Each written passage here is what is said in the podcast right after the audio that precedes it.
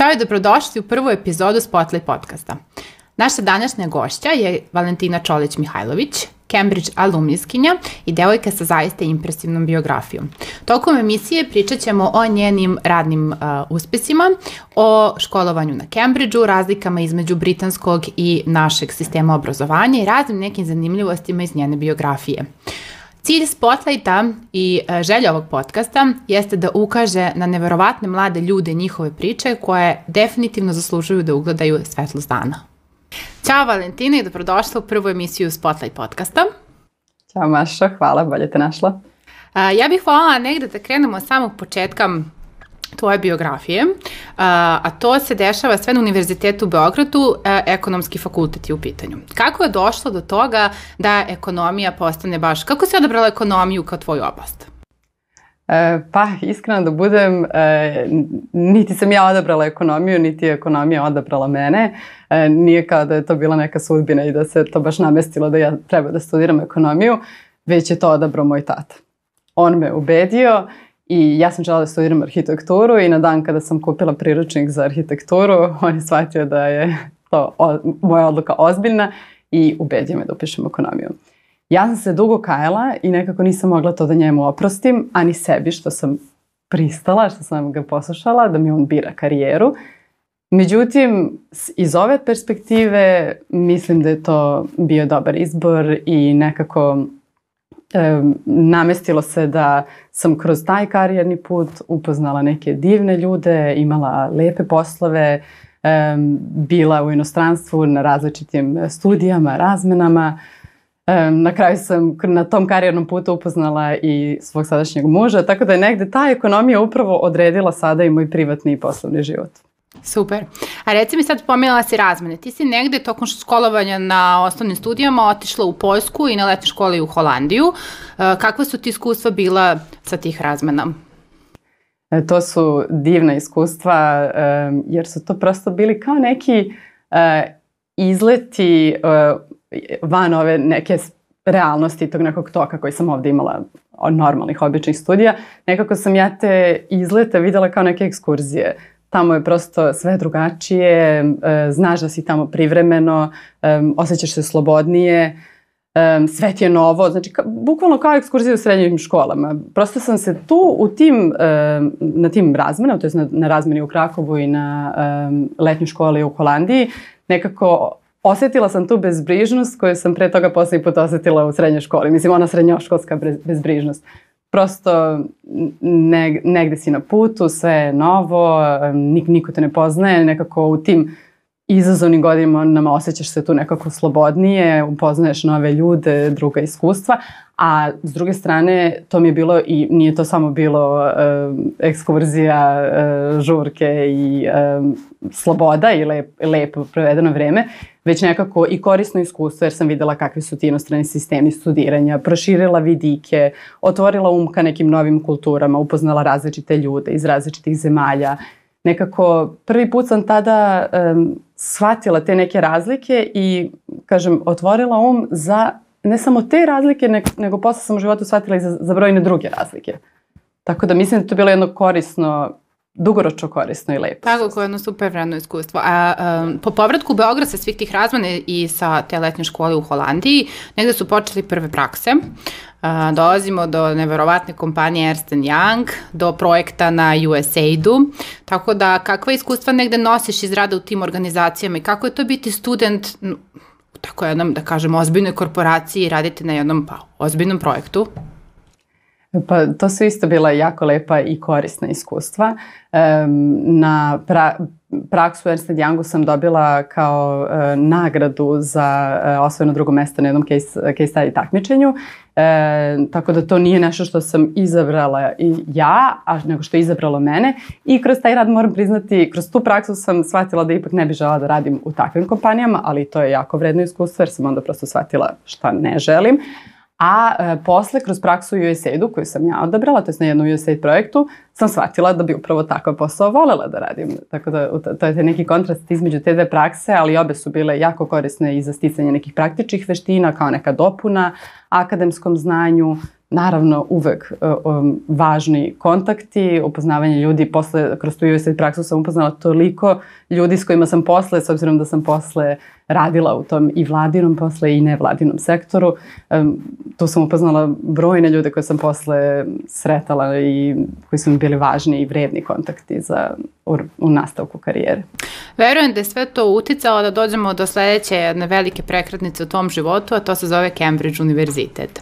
E sad, pošto zaista ono, Cambridge je velika misterija što za ljude na Balkanu i generalno i kako on funkcioniše i kakav mu obrazovni sistem, I generalno Cambridge kao univerzitet je misterija, jer malo ljudi e, znamo sa ovih prostora koje je uspelo da upiše. E, reci mi, kako je došlo do toga da Cambridge postane tvoja sledeća akademska destinacija?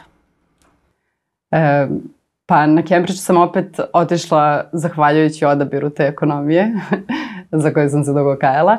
E, to, putem tih studija sam upoznala i putem do duše i porodičnih nekih prijatelja sam upoznala uh, Tijanu Gajić uh, s kojom sam sada i drugarica i um, koja je posle bila direktorka Pexim fondacije zahvaljujući kojoj sam ja pak otišla na Cambridge.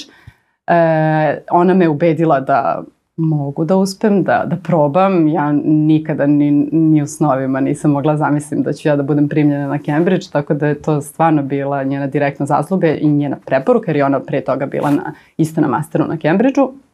I um, prosto, eto, negde me i rekla mi je za tu opciju uopšte da postoje takve masteri, da postoji fondacija koja može da mi pokrije troškove um, tako, tako jednog skupog mastera. I ubedila me da mogu i da uspem u tome. Tako da sam krenula tada u proces, relativno kasno sam krenula u proces, e, nekako sam kasno i saznala, ali onda sam dala sve snage i napore da popunim tu aplikaciju na vreme, aplicirala u posljednjem trenutku i dobila. I uspela. Ok, a reci mi sad ta Pexim fondacija, u suštini ko, koja je to organizacija, čime se oni konkretno bave i moramo da napomenemo, znači ti si bila na pune stipendije na Cambridgeu, što je isto yes. neverovatna stvar. Tako da, ko, koja je Pexim organizacija?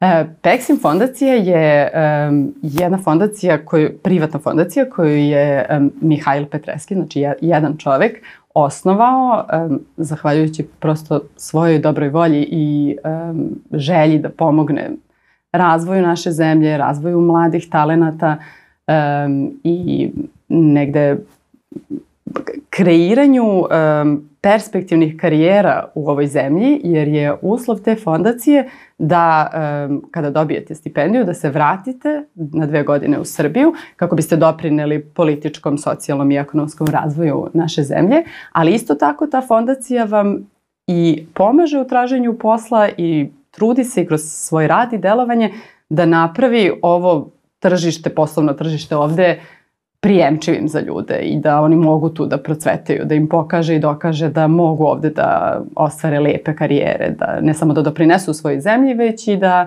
nekako i ova zemlja doprinese njima. Tako da on je osnovao eh, Pexim fondaciju, to je jedna zanimljiva priča, um, osnovao je nakon što je prodao svoju uh, kompaniju, firmu uh, prodao je ASECU, međunarodnoj kompaniji i od dela novca koji je tada dobio je on zapravo napravio jedan fond koji stipendira studente iz Srbije i Severne Makedonije koji dobiju, um, koji dobiju studije na, na Cambridgeu. E, I ta fondacija postoji već, već 10 godina, do, ta, do sada je dala preko 30 stipendija. To su stipendije samo za master programe. E, u početku je bilo i nekih za osnovne studije, ali onda posle nekako svat, u fondaciji su shvatili da ljudi koji odu na osnovne studije imaju veću šansu da tamo nekako i ostanu u toj zemlji, da teže njih prosto vratiti. I onda, eto, to je sada samo za master, znači to je glavno, glavno delovanje fondacije, davanje stipendija tim studentima, drugo delovanje to traženje posla i pomoć u traženju posla studentima koji se vrate i treći e, smer delovanja koji je od prošle godine um, uveden i to zahvaljujući nama, alumnistima fondacije koji se sada stvarno jako lepo i družimo i trudimo se da, da ta fondacija raste. E, uveli smo jedan mentorski program na oslo, to jest putem kojeg osnažujemo mlade ljude, studente um, inspiriše men, mentorstvo jedan na jedan, znači mi alumnisti smo mentori i negde ih tokom godinu dana jedan na jedan mentorstva ih um, i motivišemo, inspirišemo za dalju karijeru, razvoj, za studije u inostranstvu ili ne. Dajemo im neke smernice, savete, ne samo za profesiju, već i za lični razvoj, onako kompletno jedno. To je stvarno divno, stvarno ne, ovaj, neverovatna stvar koju ta fondacija radi. Htela sam samo malo da se sad o, okrenemo tom Cambridge studentskom životu. Verujem da to gledalci te kako zanima. Da podelimo malo ta iskustva, pa koje su to razlike između UK obrazovnog sistema, našeg obrazovnog sistema? Ima li Cambridge mane? E, ima manu što je težak. Dobro, okej. Okay. velika i važna mana na, mislim da kažem, na, na ličnom nivou, jer su studije stvarno teške, treba biti spreman za to e, i želim to da kažem i poručim iskreno nekako svim studentima koji planiraju da prosto da budu svesni da su te studije jako zahtevne, da vi ovde, da svi studenti koji dobiju Cambridge su naravno najbolji ovde, onda jednom kad odete tamo shvatite da apsolutno niste, vrlo često niste među najboljima. E, tako da mislim da je to stvarno važno ra rasvetliti, e, biti spreman na, na tu težinu studija i znati zašto idete i šta želite tamo. A što se tiče generalno sistema, obrazovnog sistema, ja bih rekla da nema mane. Ja sam tek uvidela mane našeg obrazovnog sistema kad sam otišla tamo. E, rekla bih da su tri možda ključne razlike u samom obrazovnom sistemu. To što e, na prvom mestu e, vi kao student ne možete da dobijete maltene uopšte najvišu ocenu, znači 100 poena maksimum i 100 poena na jednom ispitu gotovo niko ne može da ostvari, znači maksimum je otprilike 90 poena, na primer. I meni to u početku bilo čudno, ali sam onda shvatila da je razlog za to zapravo da se ostavlja jedan prostor da se najbolji, najbolji istaknu. Znači sigurno ima i onih koji dobiju uh, skoro 100 poena, ali većina ljudi ipak, iako su to sve sjajni ljudi, uh, ne uspeju to da urade ali je super što postoji takav prostor, a ne kao kod nas kada jako veliki i sve veći e, broj studenta i mene zabrinjava to urušavanje kriterijuma kod nas, kada dobijaju desetke i onda kada svi imaju desetke, onda niko nema desetku. Zapravo prosto jedno, mislim da, da svedočimo jednom dosta opasnom urušavanju kriterijuma na našim fakultetima i da toga sada mladi ljudi moraju biti svesni, jer tamo negde se ti kriterijumi ne snižavaju i jako su visoki. Tako da to je jedna velika i glavna razlika. Druga razlika je e, što se postiče kritičko razmišljanje, to je uopšte razmišljanje. Vi tamo nikada na, stu, na ispitu nećete dobiti ništa slično što ste ikada videli. Bukvalno ništa. Ne, ne samo da nećete dobiti zadatak u kojem su promenjeni brojevi, već nećete dobiti ni jedan od zadataka koje ste videli tokom studija. Tu bih samo volila da dodam to ono što si mi ti rekla, a, da je bukvalno nedelju dana od ponedeljka do petka idu predavanja, u subotu je ispit. I to, da, to sam baš htjela sad da kažem kao treću važnu stvar. E, prosto taj sistem tamo vam ne dozvoljava da budete kampanjac. Nema opcije da vi ne učite tri meseca, pa onda, dobro, učit ću sad kao u ispitnom roku mesec dana, već su ispiti vrlo, vrlo su česti, nema sad kao tih ne... Mislim, ima ispitnih rokova, tamo su kao tri neka, tri trimestra sam ja imala konkretno, ali prosto da, predavanja budu do petka, desi se, o, ispiti od jednom u subotu, tako da mora redovno, redovno da se uči. Posle Cambridgea ti se vraćaš nazad u Beograd i dobiješ jednu neverovatno odgovornu i ozbiljnu poziciju. Junior savjetnika pod predsednice vlade, u tom trenutku to je Kori Udovički. I u tom trenutku ti imaš samo 25 godina. E sad, ajde da vidimo koliko je to izazovno, šta si generalno očekivala kad si došla tamo, šta te je zateklo, koje su neke te zanimljive činjenice koje bi mogla da nam podaviš, po, podeliš sa nama oko tog posla? Da, pa jako je bila velika odgovornost na meni jer ta funkcija je nekako bila ozbiljna na, na ozbiljnom e, mestu. E, a ja, meni je to bilo prvo iskustvo i nisam imala nikakva praktična znanja osim te dve prakse što sam imala i naravno značilo mi je i to za neku poslovnu kulturu, poslovnu korespondenciju. Znala sam kako da pišem mailove, kako da e, razgovaram sa ljudima, da se obraćam, to je isto jako važno, ali e, naravno nisam imala neka znanja koja su bila tad potrebna za tu poziciju, ali nekako je okruženje u kojem sam radila bilo jako posticajno i e, podržavajuće. kolege su bile divne, tako da nisam osetila da sam imala neke stvarne, teške, velike izazove. Uglavnom, uvek sam mogla da pitam nekoga i, i samu u kori vrlo često, jako sam puno direktno i blisko sarađivala sa njom, ona je uvek bila spremna da podeli znanje, tako da mi zapravo nisam imala puno nekih izazova. Meni je tu negde, uvek kažem, možete misliti kako je bilo kada je meni najveći izazov bio da li ću da persiram prvom nadređenom koji je bio svega par godina stariji od mene ili neću da mu persiram. To mi je bila, eto, dilema mesecima. Sve ostalo stvarno, mislim sve ostalo, šalim se, nije ovo bio neki stvaran, stvaran, stvaran izazov, ali da, bilo je super i uh, E, tu sam negde razbila predrasude koje sam imala o takvom jednom poslu, koje verujem da mnogi imaju. Nekako tu sam očekivala ljude koji možda nisu zaslužili da budu na tim nekim pozicijama, koji su tu došli iz nekih drugih razloga, ne zahvaljujući svom znanju i iskustvu, ali ne, to su stvarno bile predrasude. Stvarno sam radila sa jako kvalitetnim ljudima, na lepim projektima i projektima, mislim, lepim stvarima, opšte inicijativama. Sami smo predlagali neke inicijative, išli na team buildinge, um, na, pro, zajedno smišljali, išli prosto i na te aktivnosti. Ono kad se izdvojimo ceo jedan dan, smišljamo neke nove projekte, radionice radimo u grupama. Jako je bilo zanimljivo i inspirativno raditi. I nakon ajde neke dve godine rada u vladi, ti odlučuješ da ideš dalje i dolazimo do rada u Svetskoj banci kao konsultant i ulaziš u nešto po prvi put što je totalno drugačije u odnosu na sva ostala tvoje postignuća u karijeri, a to je preduzetništvo, koje je tako došlo iznenada i osnivaš Natinaf.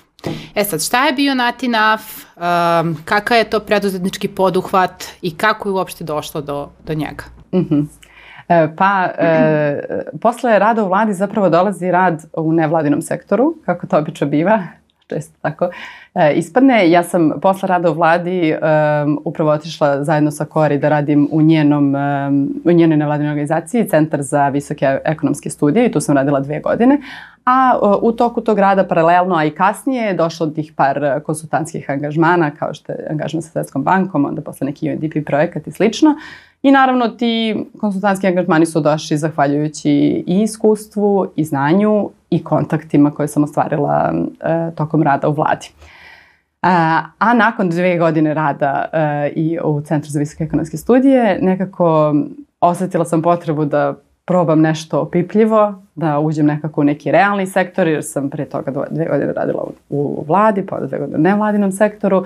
E, meni se te posao sviđao, ali eto, nekako sam naglo osetila potrebu da, da, da radim nešto opipljivo i ni manje ni više ušla sam u uh, proizvodnju uh, i tekako realni sektor i, i to samostalno kao preduzetnica.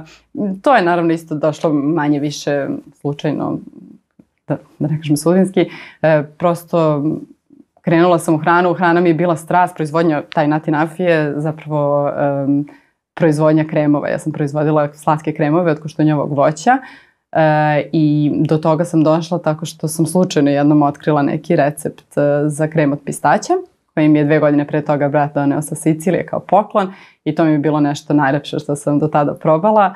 Požela sam da ja njega jednog dana uvozim, nikad nisam ni sanjala da ću ga ja proizvoditi I eto, na osnovu tog nekog recepta, nekih eksperimentisanja kućnih sam krenula to, posle sam razvila još dve recepture i tako napravila taj brend sa tri krema. Zanimljiva mi je anegdota da si čak pronašla i posebnu mašinicu iz Indije koju si dovezla kući i probala da praviš samostalno kremove zapravo sa njom. Da, da, da. Ne samo probala, nego uspela i tako proizvodila sa tom mašinicom i sa još tri posle takve neke mašinice specijalne. To je neko mlevenje kamenom, neki kameni mlin.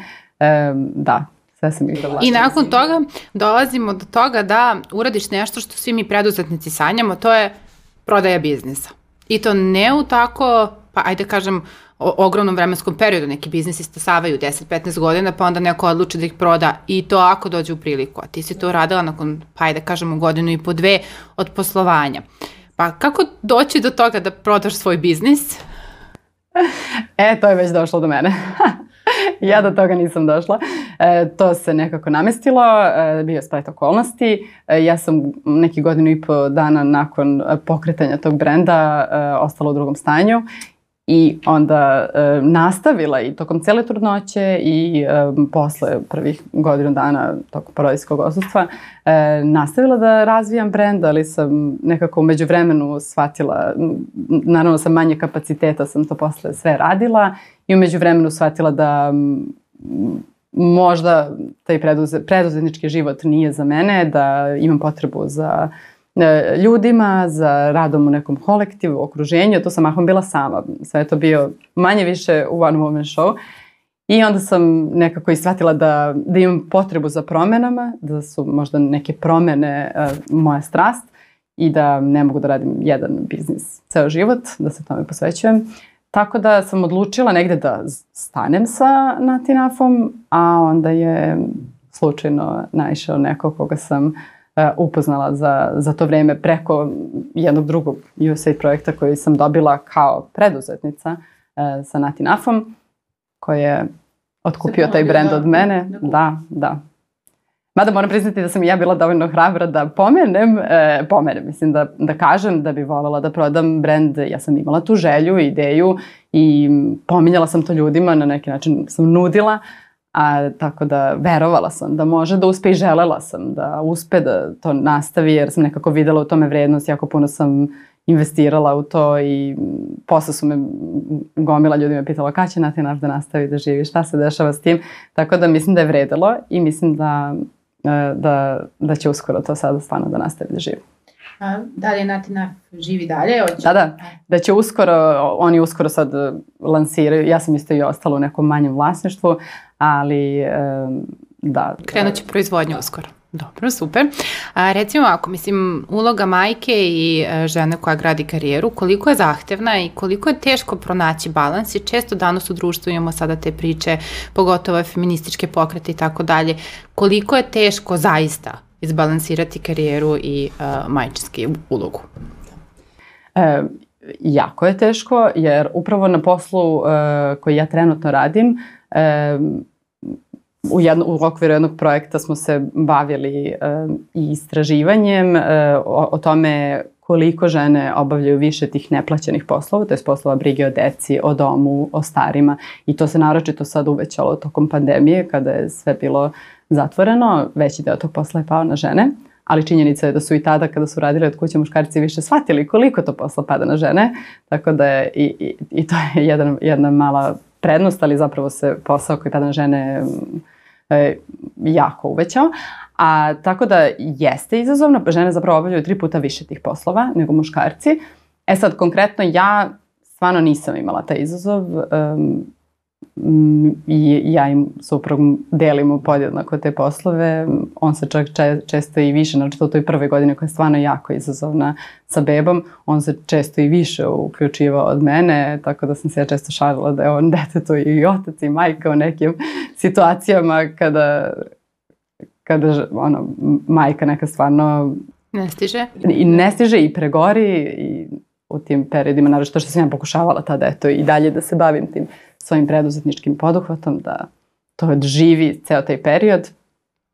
I u duhu generalno te priče o ženama i o uh, generalno ulozi žena, majke, koliko je zahtevno biti uh, i majka i karijerista i tako dalje, dolazimo do tvoje sadašnje pozicije u organizaciji koja se zove AFA ili All for All. Uh, ja moram da napomenem da AFA razlog što ti i ja sada sedimo ovde, mi smo, se tako i upoznale, duše virtualno u tom momentu jer je bila korona.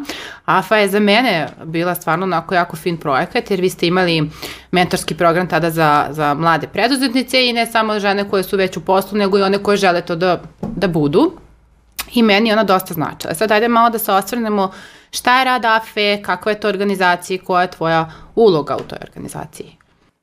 Da, AFA je e, organizacija koja se bavi ekonomskim osnaživanjem žena.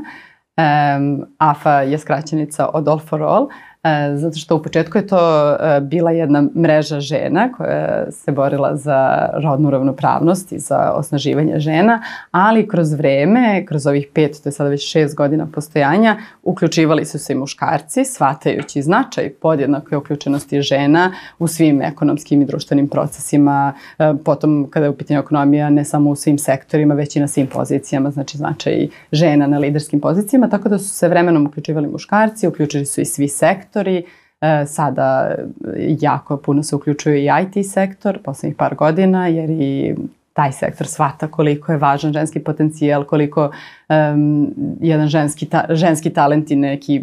Ostaju da neiskorišćeni. Da I ostaju neiskorišćeni, pre, pre, previde se nekako. Tako da, da, AFA je sada um, all for all. E, misija AFE je e, kreiranje jednog društva jednakih mogućnosti u kojem su žene podjednako zastupljene u svim ovim ekonomskim društvenim procesima, kao što sam pomenula, jer su ta društva najsrećnija i najprosperitetnija društva negde su nam skandinavske zemlje uzor, tako da to je ono e, ka čemu težimo. A ja sam u AFI konkretno Head of Development, što znači da se bavim razvojem novih projekata, novih događaja i pokretanjem inicijativa, ali naravno i implementacijom svih, ti, svih tih inicijativa, organizacijom događaja. To je prosto tako u NGO svetu da svako radi sve i da svako može da radi sve po potrebi E, što je jedna prednost jer vi onda i, i naučite da se bavite različitim poslovima. Tako da, eto, ja... Pošto si ti imala negde, um, ajde da kažemo, zaista pokrila si sve. Od uh, rada u državnim institucijama, do preduzetništva, do rada u nevladanim organizacijama. Gde ti vidiš trenutno sebe? Ono, kad razmišljaš o nekom daljem razvoju i ostalo, koja je ono tvoja, tvoja neka ta uloga bila možda i, i najbolja?